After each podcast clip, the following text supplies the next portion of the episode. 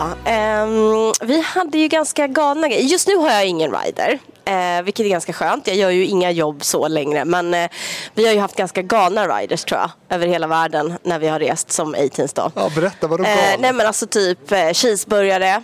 20 cheeseburgare. Från en speciell Ja, kedja? men, typ McDonalds liksom. Ehm, vi har svenska chips, eller ja chips liksom, men gärna svenska. Så det var ju lite roligt i Asien när de hade åkt till Ikea och köpt svenska chips. Ehm, ja, men vi var ju kids liksom, så att man kan ju, vi kunde ju egentligen hitta på vad som helst. Och det, oftast så, så lyckades man få det. Men annars var vi ganska tråkiga. Alltså vi hade ju inget så här, ja, vi var ju unga liksom. Men cheeseburgare och chips, det känns liksom med de turnéerna ni gjorde, hur, det låter ju inte så hälsosamt. Nej, alltså det här var ju kanske så här när vi var ute på promotion-turné över hela världen och så man kände så här, nu ska vi ha roligt liksom och man- får äta det man, man får liksom. Eh, plus att när man var i Asien vet man inte riktigt vad man fick för mat. Så det var ju så här, om vi beställer det då vet vi i alla fall att vi får rätt mat när vi är ute på, på intervjuerna.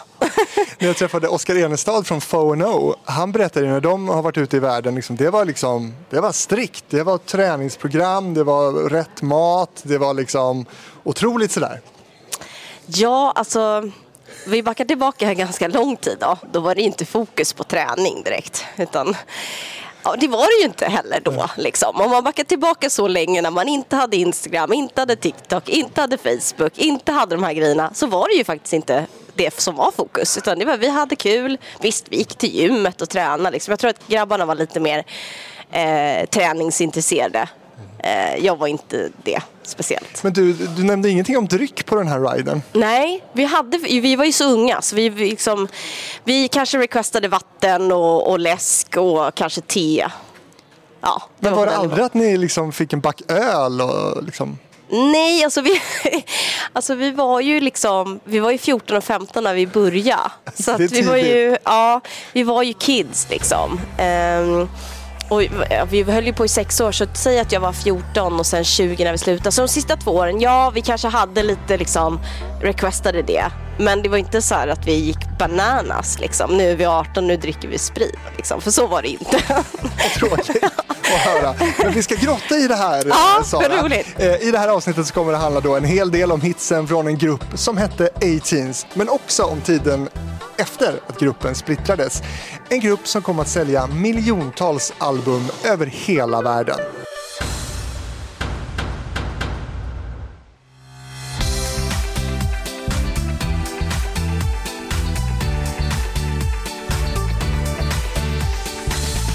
Välkommen Sara Lumholt! Tack! Du, eh, det är 24 år sedan nu som eh, man satte ihop en grupp som kom att bli A-Teens där du ingick. Alltså vad har du för relation till den där gruppen idag?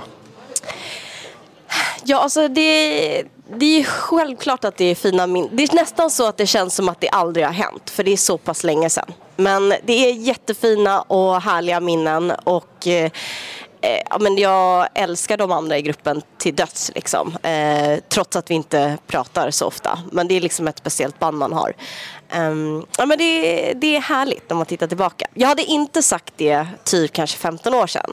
Men nu är det så pass länge sedan så man liksom har stängt en bok. Man har levt ett hel livstid efter det också. Så det var ju liksom fram till en viss ålder och sen har jag hunnit med exakt lika mycket efter det också. Men vad har hänt då mellan, du sa att du hade inte sagt så här för 15 år sedan. Vad har hänt under den här tiden då? Nej, men jag tror att man bara har fått bearbeta och kanske gått igenom andra saker i livet som har liksom tagit vikten. Eh, som har blivit viktigare eller kanske större saker i livet som, som då man har liksom lämnat den perioden och blivit, men, förlåt jag säger men vuxen liksom. Man har gått vidare. Ja, ja precis. Från att vara barn till att vara, till att vara ja, men individ och ha familj och liksom barn.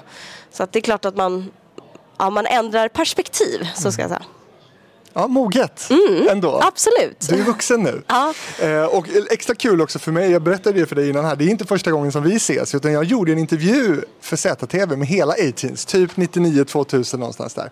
Det helt sagt, det känns ju verkligen som en evighet. Ja. Så är det. Ja. 1998 eh, så bildas då en grupp med Amit Paul, Marie Serneholt, Daniel Lennevald och Day av Niklas Berg Ja. på skivbolaget Stockholm Records. Och syftet då från början det var att göra moderna varianter av Abbas musik och därför döptes ni, ni ju då till Abba Teens. Men hur hamnade du i den där gruppen?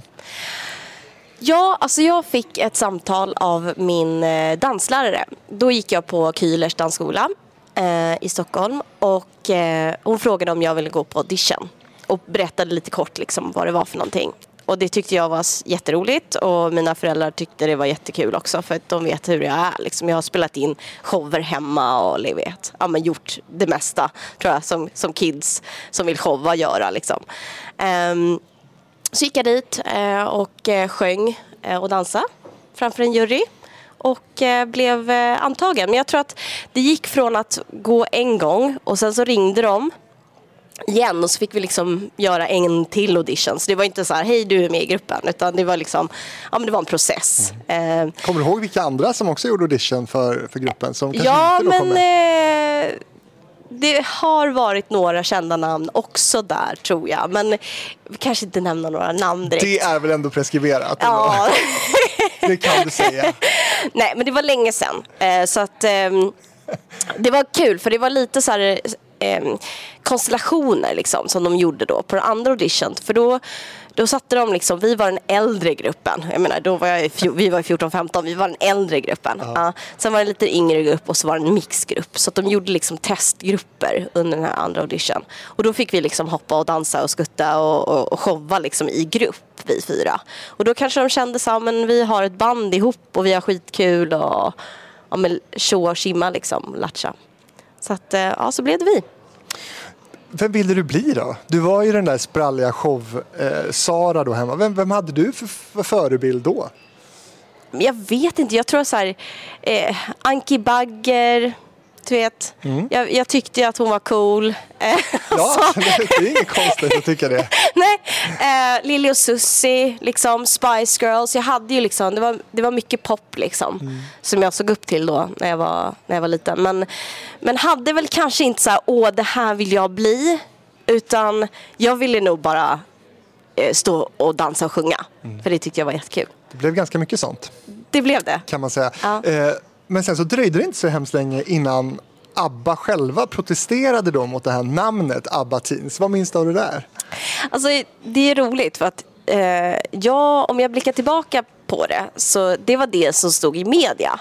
Men det var inte det egentligen som vi blev så här, eh, ja, intalade med att det var inte så utan det var bara, det var bara mediasnack liksom. Så var det inte. Utan det var skivbolaget då som ville gå vidare och ha möjlighet att göra andra saker. Så det var den storyn vi fick eh, berättade för oss. Vad är sant då? Det vet man inte riktigt. Nej. Det står lite olika överallt. Du har inte snackat Eh, med Björn och Ben om det här? jag har inte gjort det, jag har inte träffat dem liksom, så jag har inte fått ta tag i det. Men det har känns du som aldrig oviktigt. träffat Björn och Benny? Nej, jag har inte gjort det. Va? Ja, jag vet. Nej, jag har faktiskt inte gjort det. Är inte det jätte, jättekonstigt? Jo, men det kanske är lite kon- fast ändå inte så konstigt. För de är ju liksom ikoner. Och jag känner, ja, de är svårt att hoppa på. Det är som att de liksom, de är bara uppmålade på himlen liksom. Som Okej, men- gudar. Och du har typ. inte träffat sen- någon annan i ABBA heller då? Nej, inte? det har jag inte.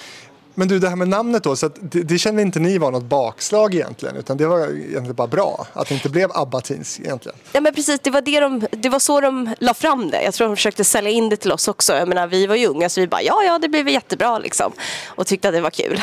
så att, det var ingenting som var skillnaden för oss egentligen. Utan vi fick fortfarande dansa och sjunga och så bytte vi namn och så blev det typ bara bättre. Så för oss var det inte negativt. Vi började med ABBA Kids. Det var ju liksom det första som kom. Jag tror att jag har någon t-shirt Eh, och sen så förstod jag, just det, just det, de här är ju inte kids längre. Liksom. Vi har kanske något år kvar, sen är vi teens. Och då kom de på det och så bytte de. Så det var liksom inte första gången vi hade bytt namn. Och även om man är typ så här 12, 13, 14 kanske man inte vill bli kallad Kid heller. Nej, det kändes ju lite B.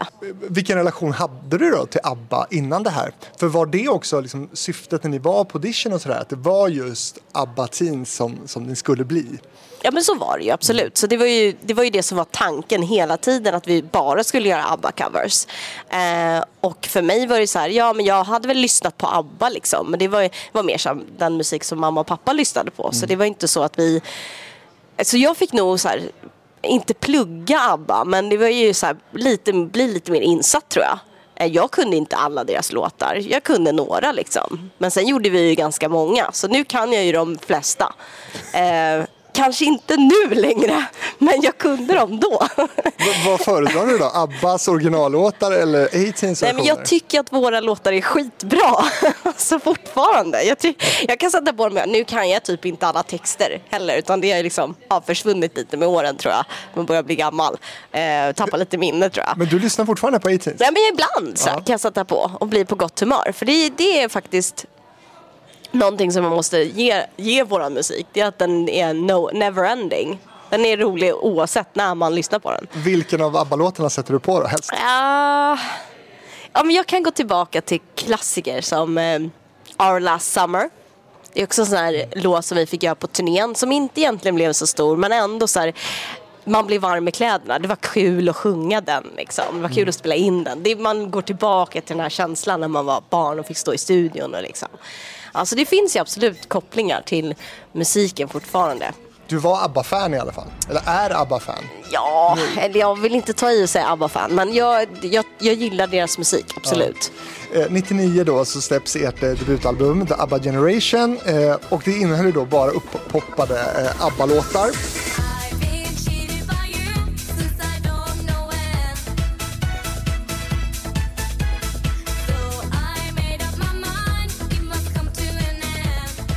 Mamma Mia kom ju att eh, bli en av de största hitsen för er. Vad minns du från när ni spelade in det här? Jag minns inte speciellt mycket av själva inspelningen. Jag minns vår resa ner till Varberg, till studion där vi skulle spela in. Jag och Marie åkte ner separat. Ehm, och har väl liksom, jag har ju flyttat så många gånger så jag har hittat alla mina liksom, dagböcker och eh, hotellnycklar och ja, men, klistermärken från hotellet. Någon servett här, som jag har sparat. Liksom, memorabilia typ. Eh, och då kommer man, då kom man tillbaka liksom. Då kom- kommer man kom, kunna komma ihåg det. Men ehm, Men vad då Varberg? Vad gjorde ni där? Jo men där var, eh, där var studion då som vi skulle spela in alla de här ABBA-låtarna. Så vi åkte ner till Varberg och så bodde vi på ett hotell mitt i centrum och så var det en, en studio där som vi fick spela in alla låtar. Så jag och Marie åkte tror jag tre gånger ner till Varberg och spelade in eh, till deras liksom, studio som vi spelade in där. Hur var det? Nej men det var ju jättehäftigt. Det var ju liksom så här, åh nu är vi... För det var ju, gick ju fort liksom. Vi fick så här, nu är vi i bandet. Och två veckor senare var vi på tåget ner till Varberg. Så det gick ju väldigt fort. Eh, och så bara, här har du alla texter. Du vet, så jag har ju en hel pärm med texterna som jag har pluggat och vi har markerat när man ska sjunga och så eh, nej men man minns mycket. Det var, det var nytt och det var spännande. Hur mycket kunde ni påverka skulle du säga där i början? I Låtval, princip va? ingenting. Nej. Nej. utan vi var, vi var happy kids som sprang runt, fick dansa och sjunga och spela in sånger typ. I I?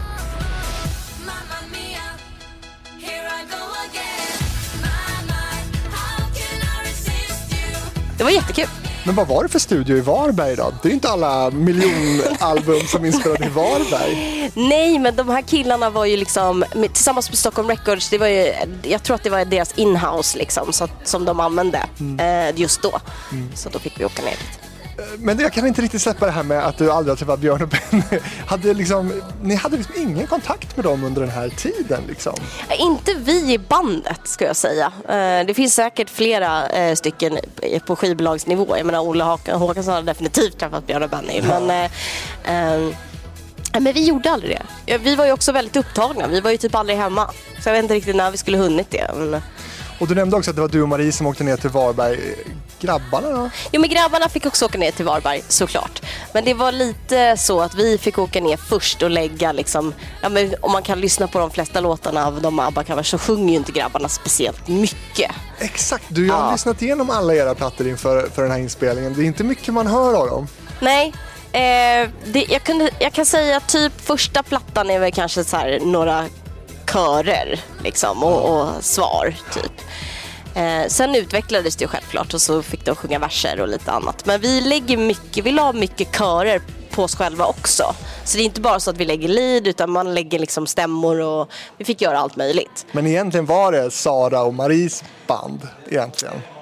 Jag skulle säga första skivan, ja. Eh, men men vi, vi hade ju aldrig varit en grupp ABBA om inte grabbarna var där. Så det hade ju inte, det hade inte gått. Å andra sidan kan man väl säga att det var lite så med riktiga ABBA också ju. Det var, Ja. ju, var ju Anne-Frid och Agneta som sjöng mest i alla fall. Ja. Och de andra var ju eh, extremt duktiga på att spela instrument och skriva musik. Så att de hade inte heller funnits utan grabbarna. Eh, The ABBA Generation, eh, det albumet släpps i Sverige men också i USA, Japan, Latinamerika, Tyskland och många länder över hela världen. Och ni hamnade etta på listorna i bland annat Argentina och Chile. Alltså, vad händer för er här? Hur märker ni av det här monumentala genombrottet i världen? Alltså det som hände först var ju så att vi, vi fattar ju inte såklart. Så Vi fick ju bara så här, här har du en till guldskiva. Eh, grattis, du har en ny etta. Och så fick vi så här fira på skivbolaget och vi fattade ju ingenting. Liksom. Det är ju så långt bort. Eh, och sen fick vi nya schemat och då var det så här, hej du ska vara borta i hundra dagar typ. Här har du nya schemat. Då skulle vi vara överallt. Ehm, så att det, vi upplevde det kanske som att vi blev jätteupptagna, vi fick resa mer.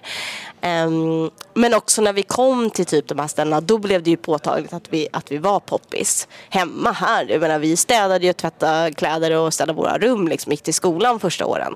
Så att det är svårt att, att ja men, man får en, ingen verklighetsuppfattning när man när man åker sådär mellan länderna för att man kom hem här, då var man vem som helst, eller ja, man var lilla Sara i, i, i kidsrummet liksom. Men du lilla Sara i kidsrummet, hur, hur reagerade hon på då liksom att vara borta så mycket och resa över hela världen, borta från familj, vänner gissar jag? Ja.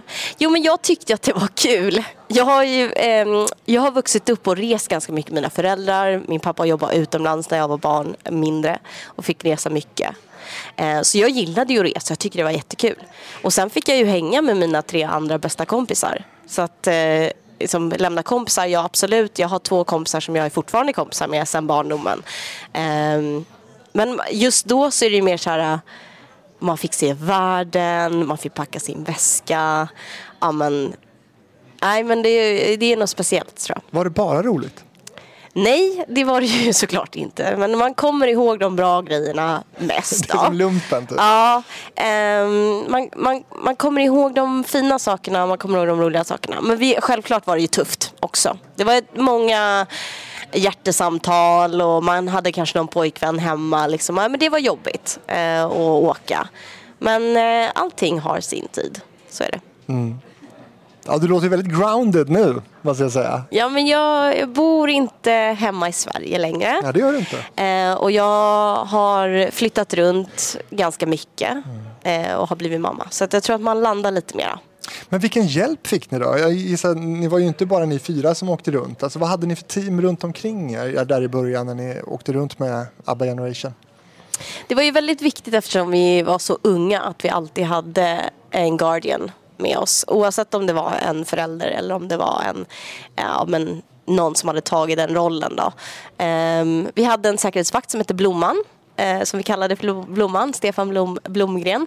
Eh, som blev vår bästa, bästa, bästa kompis. Eh, sen hade vi en stylist som också, vi bytte några stylister på vägen men liksom från början var det väldigt så här, det var vi, core. Eh, och sen hade vi alltid någon representant från skivbolaget från Sverige som åkte med. Så att det var alltid någon med. Men sen var det regel också när vi, när vi började resa jättemycket. Och vi var i Asien i två veckor och så att man, man är borta så länge. Då hade vi en regel att det var alltid en eller två föräldrar med under en sån lång resa. Så då fick ju liksom föräldrarna ja, åka med. Ta ledigt Ja. från jobbet och haka på. Hur var Ja. det då för föräldrarna och, och ha föräldrarna med? Ja men alltså det var kanske lite, eh, det var ju självklart roligt för dem tror jag. För att jag har pratat mycket med mamma om det nu liksom när vi, har titt- när vi kan blicka tillbaka. Vi har ju tagit jättemycket kort och videos och så här. Vi gjorde ju en dokumentär för TV4 också så där finns det också mycket roligt material liksom, på föräldrarna när de fick följa med.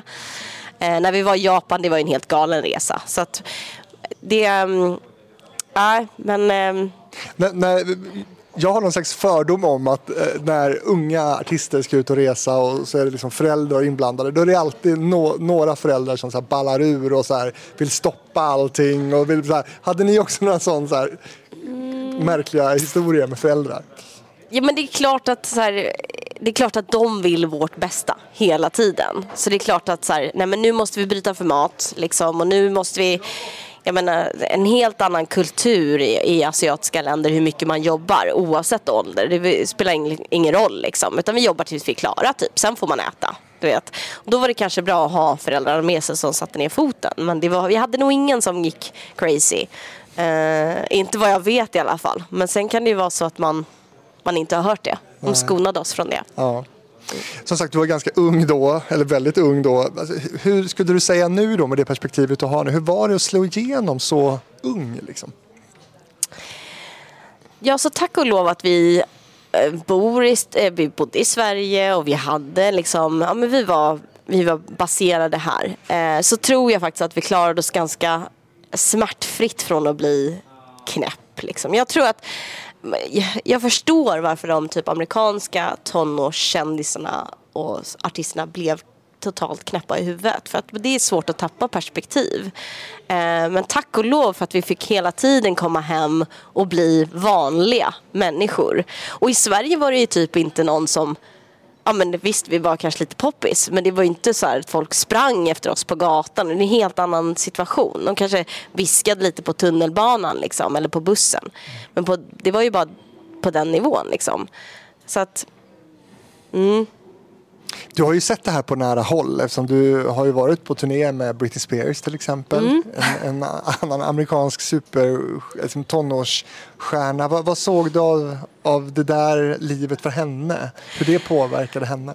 ja men hon var ju inte så speciellt lycklig när vi var på turné med henne tror jag. Eh, var och sen, det eh, år 2000 måste det vara. Eh, och även andra liksom små band, så då behövde inte bli så speciellt populära utan de blev ganska knäppa i huvudet liksom. Eh, Vad tror du det berodde på? perspektiv. Jag vet inte, jag, kanske i kulturen liksom. Eh, där handlar det om att bli känd. Liksom. I USA det var, det, var det, man, det man kämpade för, liksom, att sticka ut och, och, och synas och, och bli poppis. Liksom. Medan här kanske vi inte har den samma kultur.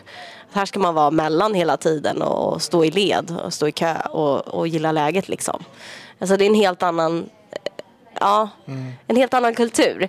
Så att jag, vi, och Aaron Carter, vi har ju rest med så många eh, liksom, men tonårsband och barn som Ja, men jag kan ju rabbla hur många som helst som var på de här turnéerna under de två, tre åren som vi var där borta och turnera. Eh, som liksom har tappat all eh, kontroll, ska jag säga. Vem fick du bäst kontakt med skulle du säga av de där amerikanska superstjärnorna? Ja, men jag skulle säga väl kanske mer så här kontakt med dansarna. Eh, kanske inte just liksom den artisten utan mer så här backstage.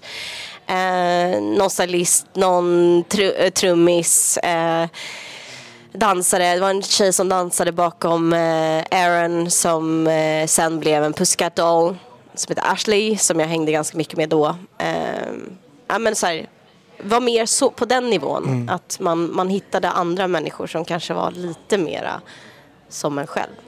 Följer du Britney idag då? Ja men det gör jag faktiskt. Jag tycker att det är spännande. Ja, vad, är, vad är din Vad är det som take på det här? Mm.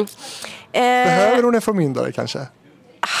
Alltså stackarn på något vis. Jag, jag känner det är synd för att jag förstår precis, hon har ju löpt amok nu liksom. Eh, och jag förstår att hon gör det på något sätt för hon har ju blivit nedtystad i alla dessa år och inte fått göra det hon vill göra. Och jag hade nog blivit knäpp i huvudet också om jag inte fick göra det jag vill göra. Och någon annan bestämmer om jag är redo att skaffa familj eller inte. Nu har ju inte vi det så. så att, ehm, men jag kan känna att så här, hon förtjänar det bästa. För att hon har nog gått ganska länge och inte mått väldigt bra. Eh, och då kan man så här, eh, allt som hon lägger upp kan man ta med en nypa salt. Och sen kan man förstå att ja, men hon, hon försöker väl kämpa fram sig själv då. För hon har väl inte vetat vem hon är under väldigt, väldigt lång tid. Usch, det är nästan som att man får liksom så här creeps av att hon kanske är en sån där artist som inte kommer bli gammal. Nej, eh, jag tror att hon kommer hänga kvar ett bra tag till. Men, eh, men samtidigt så här, ja men hoppas att, hon får, hoppas att hon får landa lite i sig själv och hitta sig själv och nu har hon väl gift sig också och sen har hon väl, eh, de hade väl planerat att få barn och så blev det inte riktigt så som Nej. hade tänkt sig och det är liksom tufft bara det och hon är, hon är 40 nu och du vet så här så att man får hoppas liksom att, att att hon får hjälp. För det är så här, ingen människa kan klara av en sån utmaning själv. Eh, man måste hitta personer som, som stödjer en. Liksom. Oavsett om det är professionella eller om det är ens man. Liksom. Backa Britney helt enkelt. Ja, absolut.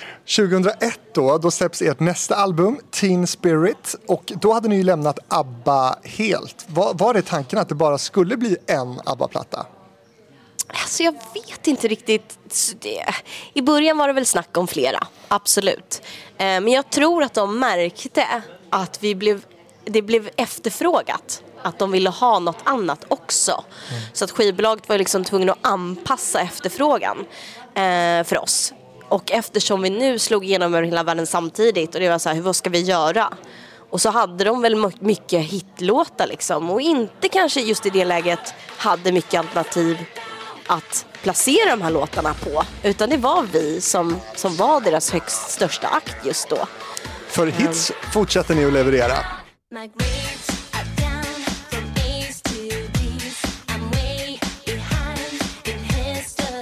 Ja, berätta om Upside Down. Vad kom den att betyda för er? Mycket. Eh, absolut. Det, jag tror att den, den hette ju Bouncing off the ceiling också i USA.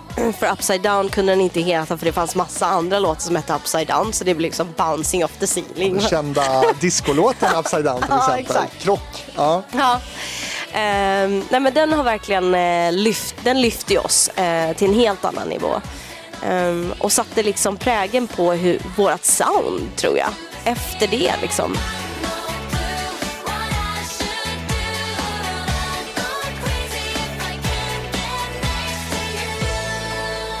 Vi, alla låtar som vi levererade efter det har ju liksom legat under, ungefär på den soundnivån. Vad tycker du om Upside Down Nej, men jag idag? gillar den. Jag tycker den är sjukt bra.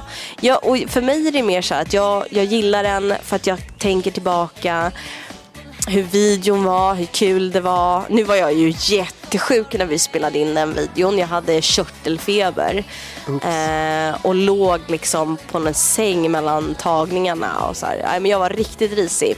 Men den videon är så jäkla snygg tycker jag. Fortfarande. Eh, och kul att titta på. Vem regisserade? Åh, nu du.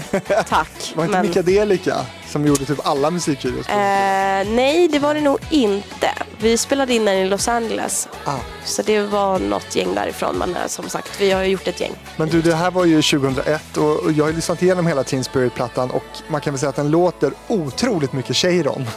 Ja. Kan man säga. Ja. Mycket Britney och Ja. det här soundet kring år 2000. ja, det finns många, många låtar där som jag kanske inte är mina favoriter.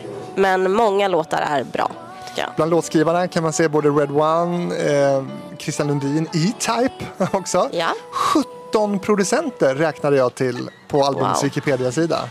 Stämmer det? Jo, men det kan nog stämma. 17 producenter? Mm. Hur kommer det sig? Alltså, det har varit... ehm, det var en lång resa med den plattan, ska jag säga. Eh, vi spelade in ganska många låtar. eh, och även kanske låtar som inte hamnar på plattan också. Så Vad det, var, var det det som var mycket... var, var det trögjobbat? Ah, jag vet inte. Jag tror att de var kanske osäkra på liksom, vilket sound de skulle ge på plattan. Ehm, kanske lite för att så här, vi slog igenom med ABBA-musiken, vi var up and coming, eller ja, så här, vi hade lanserats. Eh, vad var poppis på marknaden just då och så skulle de försöka hamna någonstans mitt emellan. Och eftersom inte vi hade gjort något annat innan original så var det ju möjligt då egentligen sätta oss på, i vilken kostym som helst. Ja, Ni skulle sätta ert sound helt enkelt. Ja, så att det tog. Det tog den tid det tog. Men ändå kom ju plattan bara ett år efter eh, ABBA Generation. Ja, de jobbar hårt kan man säga, skivbolaget. Vi jobbade ju också hårt, men vi var ju lite på... Vi, vi fick ju aldrig se, eller egentligen vara med under produktionerna vid den tiden. För att vi jobbade ju. Vi var inte. Nej, vi hann inte. Och skulle vi vara med där, då hade vi aldrig kunnat fokusera på det vi skulle göra. Men hade ni Dansa någon vetorätt kring låtar och sådär? Att ni kunde säga eh, nej, vi ska inte spela in Firefly. Ja, men vi hade väl kunnat rösta. Ja, jag gillar också den. Eh, vi, vi, absolut, vi kunde säga vad vi tyckte, men det betydde inte att de skulle ändra på grund av att jag sa att jag tycker inte om den här låten. Men jag var ganska så här lätt att ha att göra med. Jag, tyck, jag gillar ju låtar, jag tycker det var bra. Det var inte mycket som jag inte tyckte var bra. Liksom. Så jag var nog kanske nog inte den som satte ner foten och sa jag gillar inte det här. Men, men många låtar är bra. Faktiskt. Det sägs också att ett land som Teen Spirit-albumet blev en stor succé i var Thailand. Mm. Var ni där någonting? Det var vi. Ehm, och vi hade även våra ansikten på Coca-Cola- Coca-Cola-burkar i Thailand. Det var också häftigt. Jag Har sparat det? Ja, jag har Ja. sparat några. Det har jag gjort. Eh, nej men det var häftigt. Men å andra sidan så här, man kommer inte riktigt ihåg. Jag kan fortfarande ibland, bara för att det är kul, hitta något gammalt YouTube-klipp från något typ av uppträdande som jag har gjort. Och jag, känner, jag kommer inte ihåg att jag har gjort det. Jag kan se att jag är där på scen, jag kan se att jag dansar och sjunger, men jag i, i, i själen kommer inte ihåg att jag har gjort det. Eh, och då har man gjort många eh, shower, om man kan känna så. Känns det coolt för att du har varit runt så mycket eller känns det typ lite läskigt? Det känns lite läskigt. Ehm, det känns läskigt för att jag inte minns allt.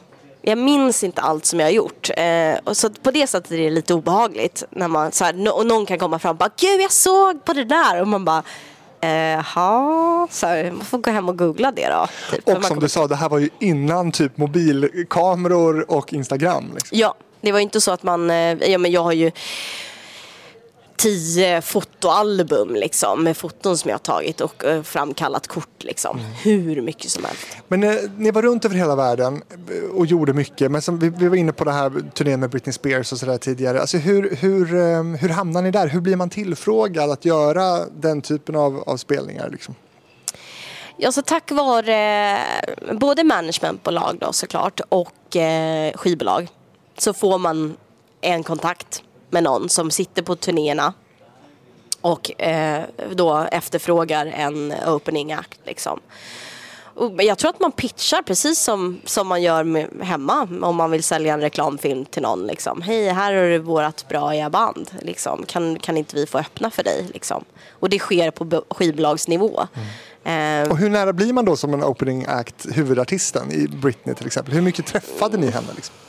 Inte mycket. I det här fallet så var Britney väldigt upptagen. Jag såg henne knappt aldrig emellan. Så säg att man hade kanske två, tre dagar ibland emellan spelningarna. Ibland gick de ju back to back liksom. Man åkte över natten och så kom man fram till nya stället och så spelade man där och så åkte man vidare och så höll det på så.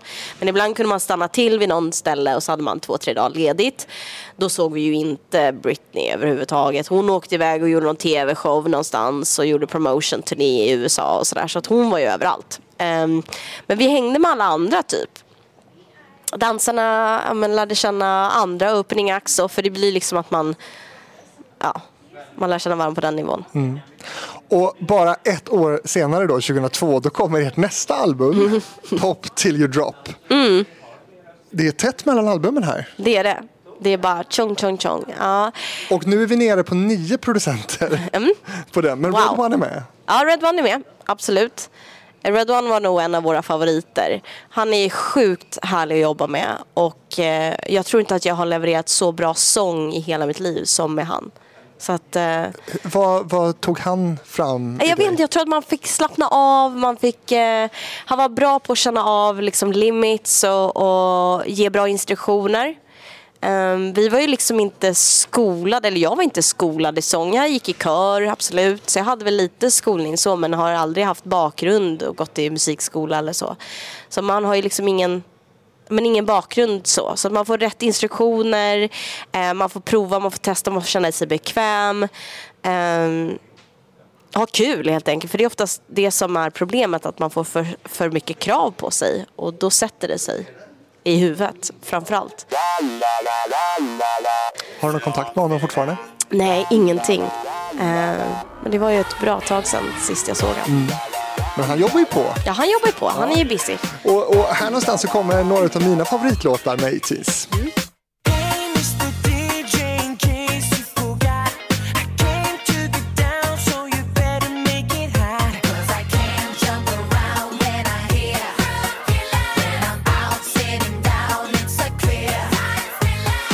den här, eh, den här låten är...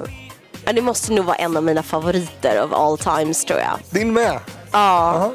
Jag, eh, jag har mycket roliga minnen från våra shower med den här låten. Framförallt så har vi gjort ett ZTV eh, på eh, Award, eh, vad den nu hette. Det finns ju att hitta på Youtube, ZTV. Där vi fick uppträda med den. Skitkul. Eh, jag hade gått till en frisör i Los Angeles och fått hela håret inflätat i massa olika färger. Det var skitkul. Jag kände mig så jävla snygg i den videon. Alltså, så, så den är liksom that- That's me on top, tyckte jag då. då. nu vet jag inte riktigt om jag tycker det, men, men härliga känslor, absolut. Skitbra låt. Du, tredje albumet här och ni, har, ni fortsätter att turnera runt världen. Hur mår ni här? Oh, alltså 2000, 2000, 2000 var vi jätteupptagna och reste och vi var på topp. 2001 kan man säga var ju när vi turnerade med Aaron Carter och hade co-headline, så det var också på topp. Men 2002 var ju på väg att dippa här. Vi har inte liksom... Vi märker en stor skillnad från skivbolaget. Vi märker en stor skillnad från ja, men, skivindustrin. Vilken är skillnaden? Ehm, lite tajtare budgetar. Vi märkte liksom att man eh, blev lite snabbare i ehm, beslutstagningarna kanske. Vi fick inte lika mycket Kanske utrymme, ja absolut. Men vi blir också, man får inte glömma bort, vi växer ju också upp här. Så man börjar hitta sig själv här och blir lite mer av en individ. För att innan var man ju kid och då visste man inte vad man tyckte. Och nu börjar vi liksom bli vuxna här. Vi börjar ju liksom, och vi också, vi fyra blir liksom men man har pojkvänner, man har flickvänner, man blir blir annat fokus. Eh, det är mycket som pågår Eh, för oss i vår personliga utveckling.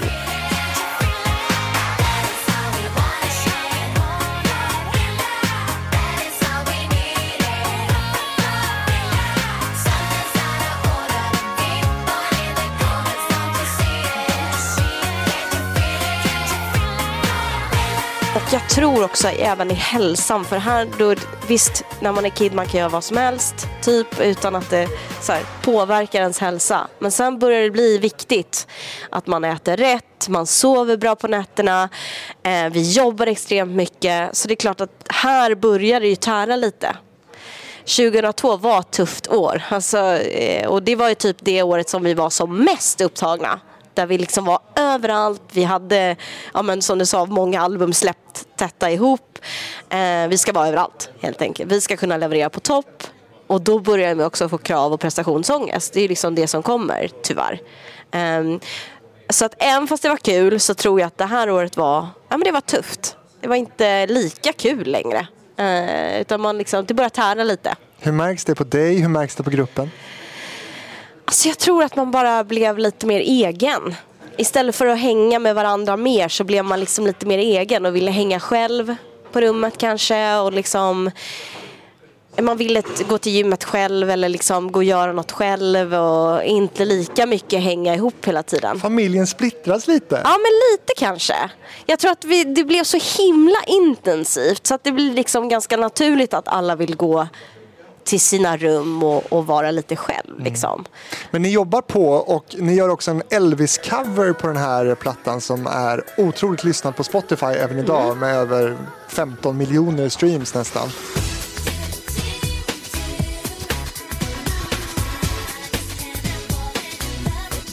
Can't help falling in love. Wise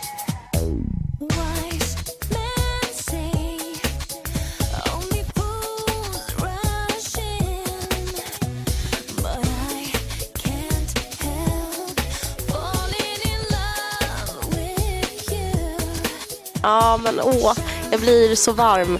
Eh, jag blir varm för alla låtar. Men den här, den här låten eh, är ju mycket, betyder mycket för mig för att den blev placerad i en Disney-film och jag är Disney-fanatiker. Jag, jag älskar Disney-filmer. Det är typ det bästa jag vet. Lilo and. Stitch. Lilo and Stitch, ja. Och vi fick spela in en video som de gjorde två varianter på. De gjorde en variant med inklipp av filmen och det är ju skitballt. Alltså, jag dör. Även nu tycker jag det är ballt. Ehm, och den andra versionen är massa valp, hundvalpar. Och det, hundar är typ det bästa jag vet i världen.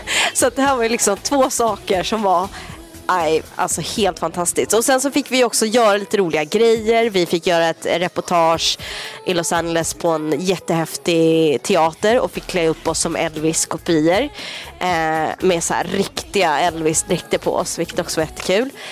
Så den har ju innebärt så mycket mer än bara en låt och en video, som alla andra låtar egentligen. Men den här fick liksom leva längre på något vis. Så Men också, det. ja, men också kul att den spelas fortfarande mycket. Ja, jättebra. Alltså 15 Jättekul. miljoner streams Ja, det är helt sjukt. är ju någonting. Ja, absolut. Du, från alla de här turnéerna, allt du upplevt då, av vad du kommer ihåg då. Är det något som har chockerat dig? Något som har liksom skakat om dig från de där resorna? Alltså, mycket, jag tror att mycket har format mig mer. Eh, det är inte mycket som har, alltså, det är inte mycket som har stuckit ut egentligen och bara ah, shit hur, hur gick det här till egentligen. Utan jag tror att man mer så här, efter ett tag förstått att okej tack vare de här grejerna som man har gjort har jag blivit den jag är idag. Eh, jag tror att man så här, Jag gick från att vara 14 till 20. I däremellan så hinner det hända väldigt mycket. Ehm, Ja, men man hinner bli myndig och man hinner börja dricka alkohol och man hinner liksom, man fokusera på annat. Um, så jag tror att man, det är ingenting som har chockat mig direkt, tror jag. Mer så här, det som har chockat mig mest är så här, hur klarade vi av att vara borta så mycket som vi har varit. För att man blickar tillbaka och tittar på de här scheman och bara, det är helt galet. Men jag älskar ju turnélivet. Jag tyckte ju så här, bussen var ju typ vårt andra hem. Jag älskade det. Packa de här väskorna och åka på bussen var typ det bästa. Så det är egentligen så här, det jag skulle vilja göra mest idag, det är att åka ut på turné, bussturné. Det var typ det roligaste jag fanns. Och sen så har du berättat att 2002 blev ett äh, lite vändningsår för er då. Eh, Men 2003 då släpper ni ännu ett album. Ja. New Arrival, ert fjärde album på liksom fyra fem år bara där. Mm. Alltså hur hann ni?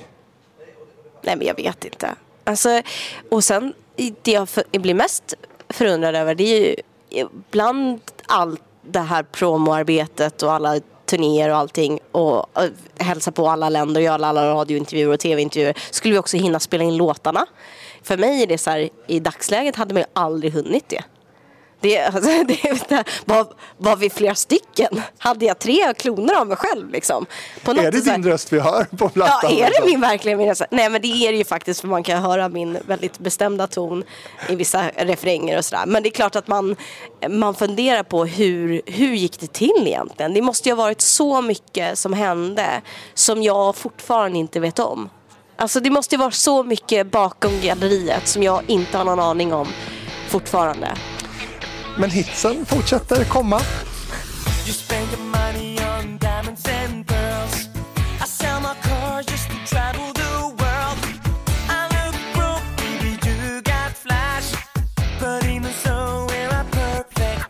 Den här är också en av mina favoriter alltså. Den här gillar ju jag. A perfect match. Berätta om den här låten. Och här tyckte jag också var... eh, Ja, den här videon är ju så jävla snygg så att man...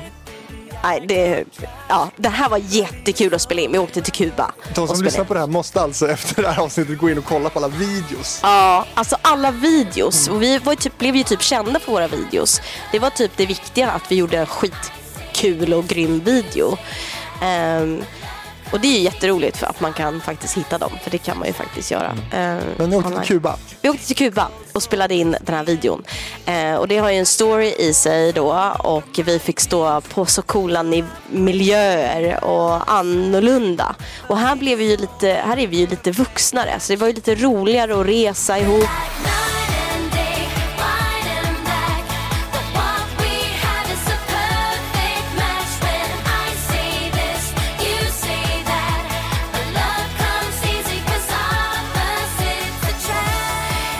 Men man kunde sitta upp och snacka efter middagarna. Liksom, det blir en annan nivå. Man, man kommer upp i lite vuxnare samtal. Man kunde hänga med de vuxna liksom. Och man var en del av dem. Liksom. Man var inte de här tonnisarna som gick och la sig tidigt. Och, Men om 2002 var ett år där ni dippade lite och kanske liksom, ja, var lite trötta på varandra. Hur var det 2003? Nej, men jag tror att det- man får ju också tänka att vi, vi kanske hittar en nytändning då. Liksom. Att man känner att ja, men nu, nu är det nysläpp här och vi kanske kunde fokusera på viktiga saker. Eh, och kanske liksom rent utav hade lite tid att smälta och, och ja, men lära känna sig själv lite. Men det är svårt att svara för de andra. Jag tycker så här... Jag tror att må, många av oss kände att det var tufft. Eh, men också att det var roligt. Och jag tror att vi liksom, nu, så här, tillbakablick, det är ju länge sedan nu så man kommer ju knappt ihåg vad vi gjorde eller vad vi har släppt eller vad man har varit eh, direkt. Men att man kände en varm känsla eh, då. För det var liksom, vi hade det bra då.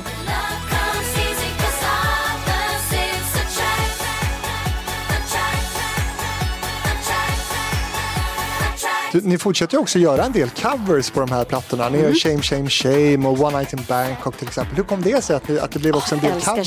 Shame, Shame, Shame. Det är en av mina favoriter.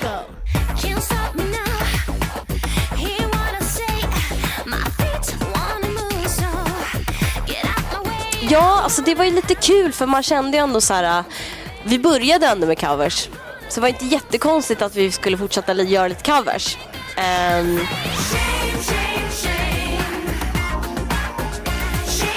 vi gjorde The Letter också har jag för mig. Eh, vilket också var skitkul. Eh, jag tror att det blev lite naturligt liksom att vi ville göra lite covers. Det var ingenting från oss tror jag. Det var ingen som sa från oss att vi ville göra mer covers. Utan det var mer så här, en, kanske en tanke från skivbolaget att få lite röd tråd. För ni hade mycket originallåtar att välja på också här gissar jag. Mm, absolut. Och som ni valde bort då. Ja. Ja.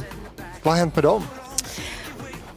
Ja, I would like to know. Nej, men det är... Vad har du hört om med andra artister? Nej, eh, det, nej, de har nog aldrig släppts. De, de finns nog någonstans. Jag får jaga Anders på, på tenn nu. Och... Har du inga demos hemma? Sådär? Jo, men jag har många demos, men jag har mycket demos som faktiskt släppts. Alltså alla de demos som vi faktiskt släppte. Ja. Du, i ABBA så var det två par. Mm. Kände du någon gång att, att eh, det förväntades lite av er också? Nej, jag tror... Eh, vi började ju liksom så tidigt och vi började alla intervjuer med så här: No, we're not a couple, we're more like brothers and sisters. Och sen, liksom, ja men då var det så. Liksom, det var som att vi intalade allihopa, även oss själva, att vi var syskon. Och då var det väldigt konstigt att helt plötsligt bli kär i någon man var, man var eh, bror eller syster med. Det kanske var ganska bra att ni gjorde det. Ja, jag tror det. Vi hade nog inte klarat av draman eh, om det skulle ske något. Fanns inga romanser whatsoever i den här gruppen. Kände, du kände att jag tystnade lite? Väldigt Ja, tyst det var väldigt tyst. Jag tror att det var mer så här ett påstående du sa, eller om du ville att jag skulle svara på frågan. Jag tror att det kanske alltid fanns en attraktion mellan någon. Eh, men jag tror att också det fina här det var att man hade så djup kontakt. Så att det hade varit ganska märkligt att bli kär i varandra på den nivån. För att man, kunde, man kände varandra så djupt. Så att man, blev, man var typ kär i varandra. Alltså man, på en helt annan nivå. Jag tror inte att man var liksom kär kär utan så här, vi, vi gillar varandra allihopa. Eh, det var mer på en annan djupare nivå. Och man går igenom någonting som bygger en, som gör en starkare. Eh, sy- syskon, typisk sys- syskonkärlek egentligen. Så att nej, jag, jag hade ingen romans. Men du nämnde ändå attraktionen då. Ja, men det tror jag ändå. Vi är ju ändå tonnisar, vi växer upp, killarna tränar. Liksom, det är klart att man, man, är, man är ju Man är inte mer än man människa. mer än människa. Det är klart som fasen att man har en sexuell drive liksom. Eh, Men jag tror kanske att vi hittade på andra sätt. Eh, jag menar, jag, under tiden vi turnerade var jag ihop med en av de andra i förbandet. Marie var ihop med våran koreograf. Eh, ja, men du vet, vi hittade andra sätt att få utlopp för det. Det var många runt omkring Det var det, det var inte bara vi fyra utan det fanns ju andra eh, vackra människor. Eh, på tal om killarna då, eh, vi nämnde ju inledningsvis att de, de hörs ju inte så jättemycket på de här låtarna. Eh, var de nöjda med det? Eller fanns det någon slags missnöje från dem att de också ville liksom kunna kliva fram och köra sologrejer? Liksom? Men jag tror att det, det skedde en förändring där på sista svängen. För att de fick ju verser och liksom, vi delade upp det ganska bra. Och vi började även skriva vår egen musik. Vi fick även vara med och skriva. Vilket betyder att grabbarna också fick vara väldigt mycket med i, i skapandet. Blev det bättre eller sämre? Ah, Jag vet inte, jag tycker ju så här, vi kanske skulle bara gjort det vi var bra på. Eh, musik, absolut. Vi, vi hade skitbra låtskrivare, varför ska vi vara inne och, och du- dutta? Liksom. Men det var ändå kul, det var ändå en naturlig väg för oss att få testa på. Liksom. Ehm, och, och till exempel Amit har ju skrivit låtar efter det och Dani också. Och så här, så att jag tror att så här, många kanske hittade något nytt som man gillade att göra liksom, på sidan om. Ehm, eh, men just över 18-låtarna kanske det känns som att vi kanske skulle bara låtit de andra få skriva. Nu kanske inte vi gjorde så jättemycket när vi var, vi var ju med och skrev liksom absolut, man hittade rim och man var med liksom under och- låtens uppbyggnad. Men det var inte så att vi skrev låtarna själva, helt själva bara så här, det här är vår nya låt. Det är bara vi som har skrivit den, utan vi var ju ett gäng liksom. Ehm, men jag tror kanske att vi, vi skulle foka på, på showa. Men, men Agneta och Frida i ABBA eh, och du och Marie då i 18s. Jag, jag gissar att det kanske naturligt ändå blev så mellan er som sjöng då. Kanske någon slags konkurrens röstmässigt eller så. Var, fanns det någon sån? Ja, alltså jag tror... Eh, Jämförelse av- jo men det är varandra? självklart. Jag menar, vi är ju tonåringar, man är tjejer. Det är ju liksom på hög nivå. Liksom, vad har jag på mig? Vad har hon på sig? Det är klart som fasen att man helt plötsligt tittar på konkurrens. Eh, men vi fick väldigt bra stöd tycker jag. Eh, och framförallt så tror jag att vi, vi märkte att vi gillade olika saker. Så vi gillade inte samma saker. Och då är det ju ganska skönt. För då vet man så här, okej, men hon gillar de grejerna. Hon gillar de rosa topparna. Eller hon gillar de svarta Mm. Men topparna. sångmässigt då? Vi har helt olika röster. Så det blir också ganska naturligt att så här, men jag tar de eh, högre topparna i refrängerna eller lägger de högre stämmorna och Marie tar den där sektionen för det passar hennes röst mer. Så man, liksom, det blev aldrig den konkurrensen i sången utan vi, vi, vi hade två helt olika röster. Och det hörs faktiskt ganska tydligt om man lyssnar på de senare låtarna tror jag när man kan höra definitionen av det här är Marie som sjunger, det här är Sara som sjunger. Så tror jag att man hör skillnaden efter ett tag. Hade fansen några favoriter i gruppen som ni märkte av? Liksom? Alltså ungefär som Justin i NSYNC eller Diana Ross i Supremes? Eller, fanns det Ja. såna? Nej men Marie och Dani var ju poppis liksom. Jag vet inte om det var så svenska blonda individer, liksom att det var, det var poppis då. Liksom. Det var mycket sånt. Eh, men ingenting som man liksom gick runt och störde sig på såklart. Utan det var ju mer så här att vi såg ju inte direkt svenska ut jag och Amit. Vi, och det får jag ju höra hela tiden, så här, men du kan inte vara svensk. Men jag reser ju mycket och bara, you're not from Sweden. Nej, okej, men vad, hur ska man se ut då? Liksom. Ehm, så att jag vet inte, det kanske blev liksom typiskt svenskt look liksom, som blev poppis. Men ungefär det året så hade vi också väldigt många svenska eh, skådespelerskor eller så här, mycket med Malin Åkerman. Vi hade ja, men Helena, eh, vad heter hon då? Vi har haft många sådana eh, liksom exporter som också såg väldigt svenska ut. Så det var på något sätt den tiden som svenska eh, individen märktes. Så vi, jag skulle säga Marie och Dani var absolut favoriter eh, across the globe. Eh, tror jag. Men det gör ingenting. Nej? Gott åt dem. Ja. Eh, innan vi lämnar då det här med 18s, kan du sakna den här tiden med eh, låtarna, musiken, de internationella scenerna idag? Liksom? Jag kan sakna gemenskapen. Turnéerna. Ja, turnéerna. Turnéerna. Alltså i mitt hjärta. Så mysigt. Jag, alltså, jag kan fortfarande minnas hur någon väckte mig på bussen och bara vi är framme nu. Och jag bara åh, kan vi inte sova lite till i bussen? Så måste vi gå in på hotellet. Eh, och bara älskade att liksom bara leva on the road. Eh, och det kanske säger mycket om mig som person för nu har jag ju inte bott i Sverige på fem år och har rest konstant eh, även efter eh, 18s överallt. Så att, eh, det kanske säger mycket om mig att jag, jag, jag gillar det livet. Liksom.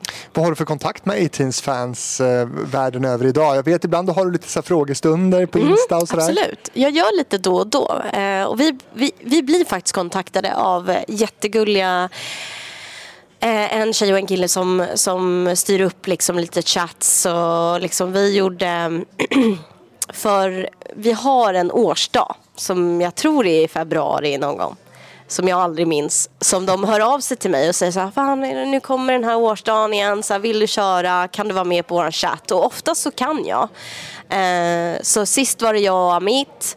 Eh, och då sjöng jag lite och Amit spelade lite mm, gitarr och sjöng och så här. Och vi hade kanske så här 30 pers på den här chatten. Eh, året in- 30? Ja, så, så här? Zoom, ja du vet så här. Så de har samlat sig och liksom ringt Men det var ju få låter det som. Ja, men det är mer så här Jag tänkte det skulle vara internt, 30 000. sådär. Nej, nej. Eh, så det är mer så här små träffar som vi gör. Med de så här gedigna fansen Mm. som liksom väntar på nästa tid som vi ska chatta. Man kan säga så här, 2004 så släpper ni också ett Greatest Hits-album. det är ganska tätt inpå. Men i alla fall, det blir inget mer sen. Eh, Nej. Marie Serneholt släpper ett soloalbum 2006 och samma år så meddelas då att 18s inte finns längre. Nedlagt. Var det allas vilja? Nedlagt står det. Ja. men det var nog... Det var inte alla... Alla i gruppen, ja. Men alla runt omkring, nej. Så jag skulle säga, gruppen var ganska bestämd. Vadå runt omkring? Ja men typ skivbolagen, kanske några föräldrar som tyckte kan vi inte liksom det är hemskt att säga mjölka kossan lite till men liksom var lite på den nivån att så här, vi kanske kan plocka ut liksom ett år till och liksom, eh, ja men det var ju ändå så här, vi släppte ju Greatest Hits album. Vi var på med topp. här dollartecken Nej, inte så, men mer, så här, mer för att vi hade kul. Eller liksom, eh, ska ni verkligen sluta nu? Det går ju så himla bra, typ. Mm. Eh, Medan vi kände, men vi, vi slutar på topp här nu, typ. Så att ni var överens, ni fyra. Vi var överens. Har ni spelat någon gång alla fyra tillsammans efter det här? Nej, det har vi inte. Vad beror det på? Eh, jag tror att de första åren efter det var slut så var det mer så här, åh vad skönt att det är slut. Då Ja, för vill du man tog en typ paus inte- från rampljuset då? Ja, ganska mycket faktiskt. Jag mådde inte speciellt bra då, men vi kan, vi kan, vi kan komma till det sen. Eh, jag tror att så här, när, vi, när vi slutade så var det så här, tack och hej leverpastej, det var skönt att lämna ett kapitel. Ehm, och sen har det mer blivit så att alla har flängt runt, alla har gjort olika saker. Det hade varit väldigt konstigt att helt plötsligt bryta sitt mönster nu, eller då, eh, och spela. Liksom. ni Det hade varit typ mer, ja gånger. absolut. Ja, Vilka absolut. spelningar har ni tackat nej till?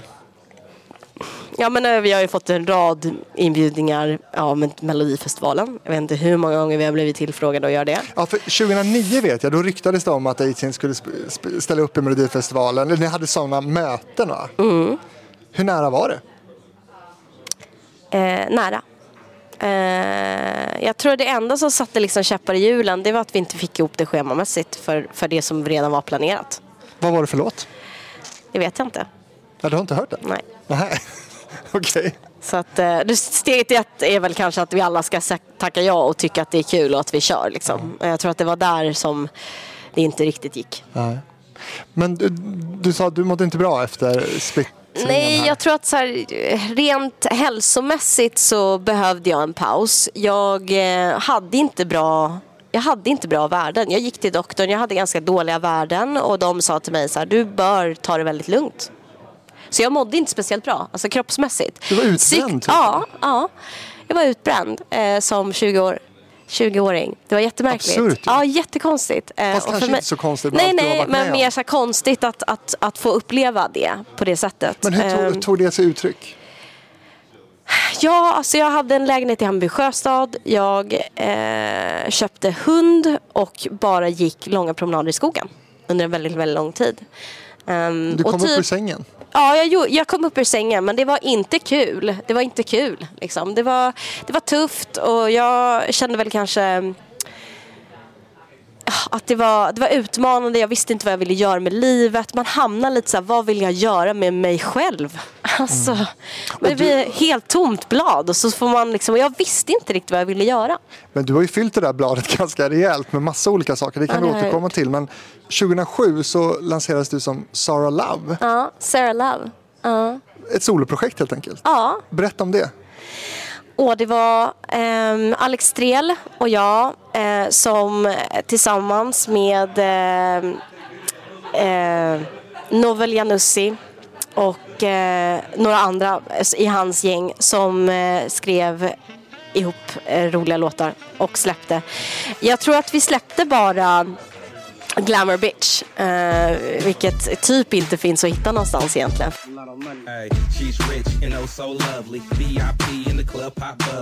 Ja, så här var det. Jag åkte till Los Angeles, skulle bli signad, fick ett kontrakt eh, av ett Wow. amerikanskt bol- bolag. Jättekul. Och de bara shit, vi tar promobilder och allting. Vi är on the go, nu jävlar kör vi. Eh, jag skickade hem kontraktet till mitt svenska advokatteam. För att jag hade ju då lärt mig så här, hur de amerikanska kändisarna såg ut när jag sa hej då till dem 2004 när, när jag såg alla gå in i väggen och, och bli eh, knäppa i huvudet. Så jag kände så här, men jag skickar hem det här till Sverige eh, och det var ju liksom, han bara skriv inte på.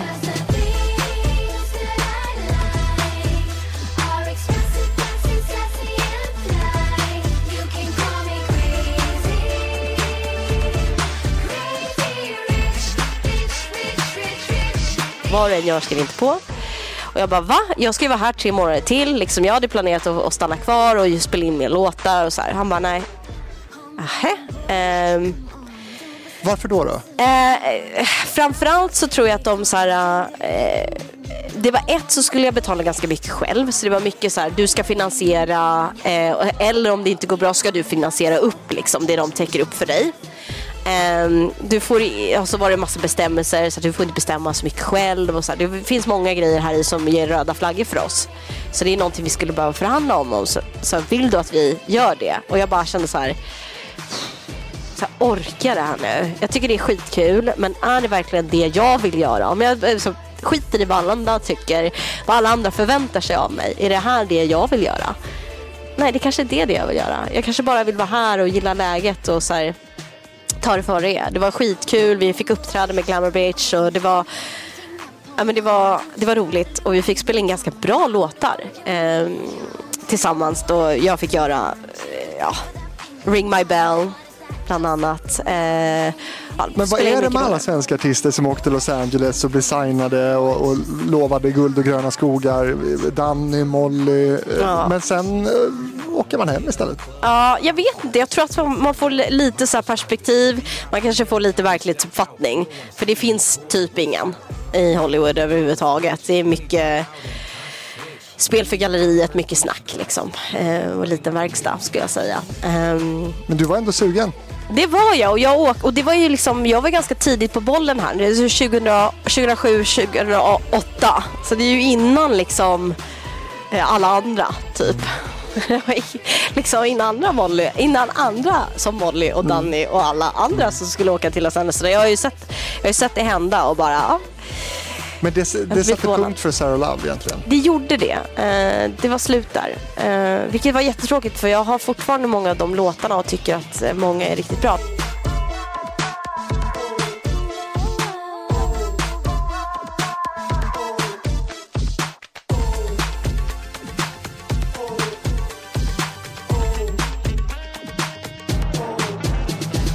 Jag försökte ju få sign här hemma. Jag ville signa med ett svenskt skivbolag. Det var typ fokus. Eh, och de bara nej, nej det är för svårt, det är för svårt. Och sen typ sex månader senare kom Lady Gaga med hennes nya. Och det låter typ, det var typ på den nivån. Du var jag- liksom pre-Lady Gaga. jag var pre-Lady Gaga och alla bara nej, nej, jag kommer aldrig funka. Bara, aha, okej. Och det var då jag åkte till Los Angeles och kände, ja men vi satsar väl på det. Men ändå kände här, nej men det är inte jag. Jag hade, om jag hade fått chansen hemma i Sverige att göra det så hade jag nog gjort det. Och det blev inget Melodifestivalen för, för 18s då 2009. Men 2011 tävlar du i Melodifestivalen med den här låten. You're mine for the second time around. Criminal mind, you slip and you slide. 2,7 miljoner tittade på din deltävling i Melodifestivalen 2011. Berätta om Enemy. Ja, Enemy eh, var först inte tänkt att vara med i Melodifestivalen. Utan vi spelade in den som ett... Eh, jag kom hem, landade lite. Kände att jag saknar låtskriveriet, jag saknar sången. Jag vill göra det igen, jag vill spela in något som känns jag. Eh, och då spelade in den här låten.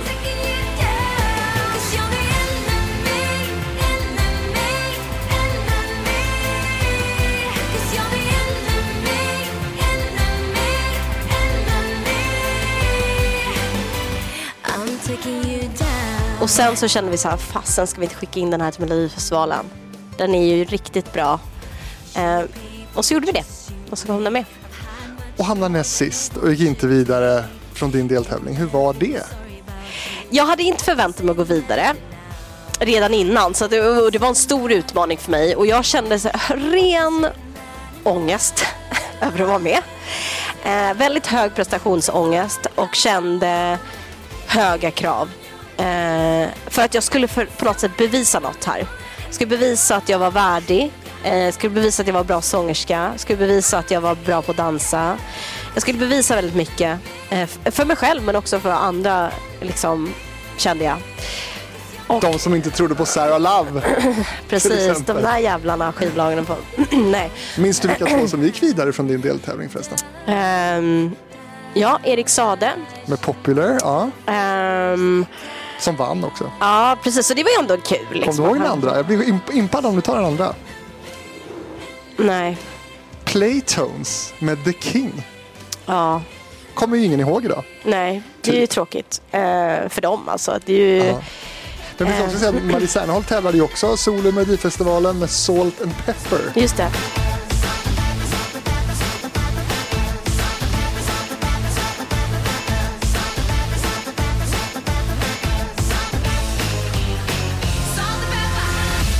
Kom inte heller vidare. Nej. Och hon var ju även eh, eh, programledare 2011 när jag var med i Melodifestivalen. Ja, men det Så det var var lite hon. spännande. Vilken slump. Ja, Eller? eller? Det vet man inte riktigt. Alltså det skrevs ju en hel del om det där då. Eh, och att er relation verkade frostig, Ja, jag- tidningarna. Ja. Var den det? Jag fick ett klipp skickat till mig av en kompis och bara ha ha ha. Och då var det liksom framsida på Aftonbladet, så här, nyaste nytt story. Liksom. Att vi liksom inte pratade med varandra under turnén och vi undvek varandra. Och så här. Det stämmer ju inte. Vi tycker ju väldigt mycket om varandra och det var inte på den nivån. Men vi har ju alltid, alltid fått den reaktionen av media. Vi har, jag, och jag har alltid framstått som en så här bitter Eh, liksom, som att jag så här, missunnar Marie på något sätt. Jag älskar Marie. Jag tycker att hon är en fantastisk människa och jag liksom, önskar henne all lycka i världen. Så här. Men jag har också fått den approachen i media. Jag har Men alltid fått det. Har du inte gjort någonting för att, för att, för att få den approachen i media? Då? Nej, och det är det här som är så himla märkligt. Att, men å, å andra sidan, så här, ja, jag kanske är öppen då. Det är kanske mitt största problem. att jag, jag gillar att dela med mig. Jag tycker om att vara ärlig. Jag sparar inte det kanske journalister förväntar sig av ett väldigt städat svar. Utan då, jag, då plockar de ju liksom de sakerna som de tycker. Då kanske jag sa så här, vi, det är inte så att vi smsar varandra. Hade jag sagt då. Och så det var det, då, då stod det så här, vi smsar inte varandra. Och sen hade det liksom blivit headlinen. Ja, men precis. Och det visade sig också att Marie hade inte ens ditt nummer. Nej, Så att hon kunde inte smsa det. nej. Är inte det Eh, konstigt? Nej, men det är inte så konstigt för jag, jag har, har faktiskt bytt nummer sen, sen, sen back in the day. Men eh, jag, jag vet inte, jag har alltid liksom, oavsett vad jag säger så är det så här, okej, nu får det liksom... Men ett sånt här citat från dig då var ju till exempel att, att eh, du inte trodde att Marie tyckte om dig. Ja. Stämmer inte det heller? Nej, men det, jag tror inte att det var de orden jag sa, men det var det som kom ut eh, i titeln i artikeln. Och det är jättetråkigt för att jag, jag hoppas att hon gör det. Jag menar, självklart, jag, jag tror att hon gör det. Eh, och vi har mycket kärlek mellan oss. Så det inte... Nej, så det stämmer ju inte riktigt. Nej. Men eh, ja, Men du är van med tidningsskriverier å andra sidan så du vet hur det där funkar. Ja. Men, men relationen med Amit och Dani, vi har pratat väldigt lite om Amit och Dani. ja. Vad har du för relation till dem idag? Amit pratar jag ganska mycket med. Han chattar jag väldigt ofta med. Vi, vi har två barn, han bor på Island. Eh, han... Eh, Gillar han regn och 10 grader? Ja, precis. Nej, men han, eh, han flyttar med sin fru. Uh, vi, har, vi har gått igenom väldigt mycket liksom, i livet som, som, vi kan, som vi kan känna en grund i. Liksom. Jag tror att, och vi var alltid typ i samma nivå hela tiden. Så här, vi tog körkort ungefär vid sam, samma tid. Vi flyttade hemifrån ungefär vid samma tid. Så vi har, liksom, vi har de stora grundstenarna i livet har vi liksom hänt samtidigt. Så vi har liksom känt att vi kan dela, dela, oss, dela det. Eh, Daniel har inte träffat så jättemycket. ehm, men jag har ändå bra kontakt med honom när vi, när vi ses eller när vi pratar och så. Så är det ändå härligt. Ehm, men han vet jag inte, han, jag vet inte så mycket om vad han håller på med. Just. Han är producent, Ja, ja, det, det vet jag. Ja, Ganska framgångsrik sån va? faktiskt. Eh, och jobbar med väldigt mycket kända namn och sådär. Ehm, Och Marie då, har ni någon kontakt idag? Nej, jag, jag gifte mig för några år sedan eh, och bjöd in eh, allihopa. Eh, Daniel var iväg på jobb, eh, Amit var där. Eh, och Marie skulle precis föda sina två tvillingar så hon kunde ju inte komma. Men hon var, det var tänkt att hon skulle komma.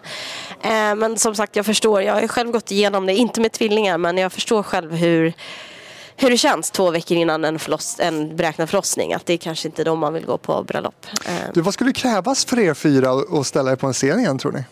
Åh, jag vet inte. Eh, det skulle nog inte vara pengarna, tror jag, i det här fallet. Jag tror att det skulle vara bara känslan, beroende på vad det är för projekt. Rätt projekt. Har ni blivit erbjudna mycket pengar för det? Inte på papper, liksom. Inte rakt så här, här är checken, det här är det ni får om ni ställer upp. Så har vi inte fått. Men det är klart att vi vet ju själva att så här, eh, det finns ju alltid en prislapp. Folk är ju eh, rätt eh, sugna på att få ihop oss. Så vi skulle nog så kunna tycka så här, ja, men om det är i rätt tidpunkt med allting och liksom det känns bra så är det självklart att vi skulle kunna göra någonting. Alla jag tror- 90s-turnéer över hela Europa som är jättepopulära till exempel. Ja, Där har ni fått frågan. ja Det måste ni ha absolut. fått. Ja. Du, eh, vill du göra mer Mello då? Nej, jag tror inte det. Jag, jag bor ju inte här så det blir väldigt projektigt nu. Alltså, Du är praktisk nu Sara. ja, nu blev jag praktisk. Ja, och du har gjort så otroligt mycket annat också. Du är ju liksom atlet. Mm. Många kanske har snappat upp att, att du har kört eh, väldigt mycket pole dance. Eh, du vann också TV4s program Gladiatorerna 2015. Du har jobbat som receptionist och du har varit programledare för X-Factors eftersnack i TV11 här i Sverige. Du har varit programledare på Radio 1 och du har arbetat som bokföringskonsult. Mångsysslare verkligen. Ja, absolut. Det där blanka pappret, det fyllde du med ganska mycket saker. Det gjorde jag. Men hur mycket musik skulle du säga att det är i ditt liv idag? Eh, I princip ingen musik. Den enda musiken som jag har just nu det är min son som kollar på Youtube. Mycket. Eh, och eh, sjunger för honom. Det är typ den enda musiken jag har just Vaggvisor? nu. Ja, typ. Du bara Eh. night and day, white and black. Ja, exakt. Nej, inte på den nivån. Men det kanske får bli så. Up, up and go. Eh, och köra lite mer våra tracks. Du, eh, 2001, det är länge sedan nu, så hade ni sålt 6 miljoner album över hela världen. Mm. Hur rik gjorde det dig? Vad handlar det om i pengar ungefär det här? För dig som inte har varit med och skrivit heller. Nej, alltså det handlar inte om så här jättemycket pengar tror jag. Det beror lite på vad man jämför med. Eh, jag har stoppat undan väldigt mycket pengar i en lägenhet eh, som jag sen förvaltade och sålde och eh, har gjort det tre gånger om. Eh, jag har kunnat lagt undan pengar för eventuell eh, pensions, pension. Du kommer inte bli någon fattig pensionär inte. Nej, det, det tror jag inte. Men samtidigt så här, det var ju på grund av tror jag att min far var, tog lite ansvar och så här. Men nu lägger vi undan det här och liksom lägger upp det här på den här fonden och så har det liksom Ja, det är ju typ som att jag inte har vetat om att de har funnits men det var ju väldigt smart att göra det. Vid den här tidpunkten när vi tjänade som mest pengar så gjorde vi också av med mest pengar. Inte hur glömma, så här, vi shoppade, jag har aldrig köpt så mycket skor i hela mitt liv. Eh, väskor, you name it liksom. Så att, jag och mobilräkningar. Vi får inte glömma, vid den här tidpunkten då hade man inte det här roaming och man hade specialkontrakt och så här. De här pengarna som vi spottade ut i mobilräkning är ett skämt. Alltså, Vad är din högsta mobilräkning? Ehm, Jag tror att vi, vi gjorde en koll, så vem som hade högst mobilräkning. Jag tror att Dani vann eh, hela. Ehm, Men jag har ändå haft så här, kanske runt 30 000 i en mobilräkning. Och det är ju saftigt. Det är saftigt Ja. får man säga. Men, men, Så det men, var kanske där jag spenderade mina pengar då, mest på mobilen. Ehm, men det, det har ändå gjort dig till miljonär. absolut. Det har det gjort. Och du har förvaltat pengarna. Så 18-pengarna är inte brända liksom. Nej, och jag ska säga mestadels är det väl brända som man kanske gjorde då. Jag tror att så här, en del sparade jag undan och, och lät växa på annat håll. Eh, men vi kunde ju, alltså jag hade ju kunnat bränt allting. Absolut. Så mycket pengar är det inte. Alltså, vi kanske hade några fnurror på tråden men vi såg dem aldrig. Vi blev ju liksom aldrig så indragna egentligen i vår egen ekonomi. Vilket det. kanske var bra eftersom vi inte var tillräckligt vuxna än att ta hand om det. Men jag förstår att så här, de flesta, om jag nu hade varit tio år äldre i hela den här situationen så tror jag att jag hade varit mer insatt och hade varit här, mer intresserad och veta vad det är som händer. Och kanske hade fått mer större bild av vad det var som hände. Men nu har jag liksom, det kanske var tur. Man inte, Kanske. Ja. Men du, eh, nutid och dagsläget då? Du bor i London idag har du nämnt några gånger här. Hur kommer det sig? Ja, alltså jag bor, jag bor faktiskt inte i London utan eh, jag bor i södra England i en stad som heter Portchester eh, som ligger eh, ja, södra, söderut eh, mot havet, mot kusten. Eh, jag flyttade till Portsmouth först för att min man fick jobb med ett eh, engelskt eh, seglarteam. Han jobbar eh, med marin eh, och segelbåtar. Ehm, så vi bestämde oss för att åka. Eh, han har seglat med America's Cup. Eh, så han har jobbat med teamet. Så han är inte seglare. Han är seglare men han jobbar inte med det. Eh, han jobbar med ja, Men vem är han? master Är han och rigg. och känd så. alltså? Nej då. Eh, Känd nej, tack och seglare? lov. Nej, han är inte känd. Nej. Vilket är skönt. För det hade varit för rörigt. Men sen så han, han flyttade ner till England. Och, ehm, och sen flyttade vi också till Bermuda. Så jag har bott på Bermuda i drygt, dryga sex månader. Ehm, och sen flyttade vi hem till England igen. Alltså som i Bermuda-triangeln. Ja, Bermuda. Det måste vara en hemsk för en seglare att bo där. ja. Va, vad gör du idag? Bra fråga. Ehm, jag, förutom att jag är mamma så eh, har jag två hundar som tar väldigt mycket energi och tid. Ehm, men jag jobbar med våran firma. Jag, min man och en annan kille. Jag har investerat pengar i bolaget. Vi jobbar med ehm, eh, marine rigging heter det. Eh, och det är liksom allt som har med båtar att göra. Typ Går det bra? det går bra. Eh, Vi är jätteupptagna och har knappt tid att, resa hem. Men ibland så får man eh, prioritera. Får man åka hem. Har du sett ABBA i London? Det har jag inte gjort.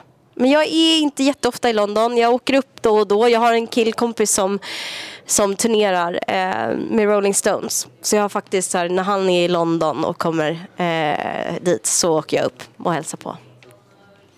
Du, vad härligt Sara. Nu har vi verkligen fått eh, en hel fin fullständig bild av eh, ditt eh, liv, artisteri och karriär.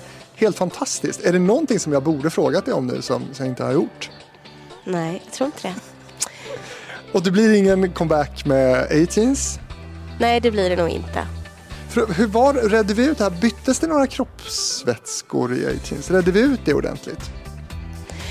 Men alltså, det är klart att man har hånglat liksom. Men jag tror... Jaha. Är det klart? Nej, ja, men, någonstans här, vi, vi bodde ju... Vi, men hallå, spin the bottle. Ja, 90-talet. ja. Alltså vi var på turnéer. Ja. Jag menar det kommer ju såklart att du snurrar flaskan och så får du pussas. Men nu kan då? det ju vara så, så här att det hände även innan vi blev grupp. Just det. Så att vi var ju liksom eh, kids då. Men Sverige då? Har du, läm- du, har du lämnat Sverige för gott känner du? Eller liksom, kom, tror du att du kommer flytta tillbaka någon gång? Eller hur känns det?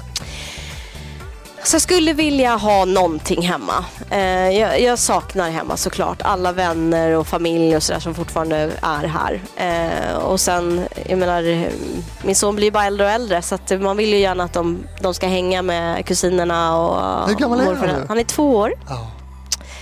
eh, och eh, fullt ös.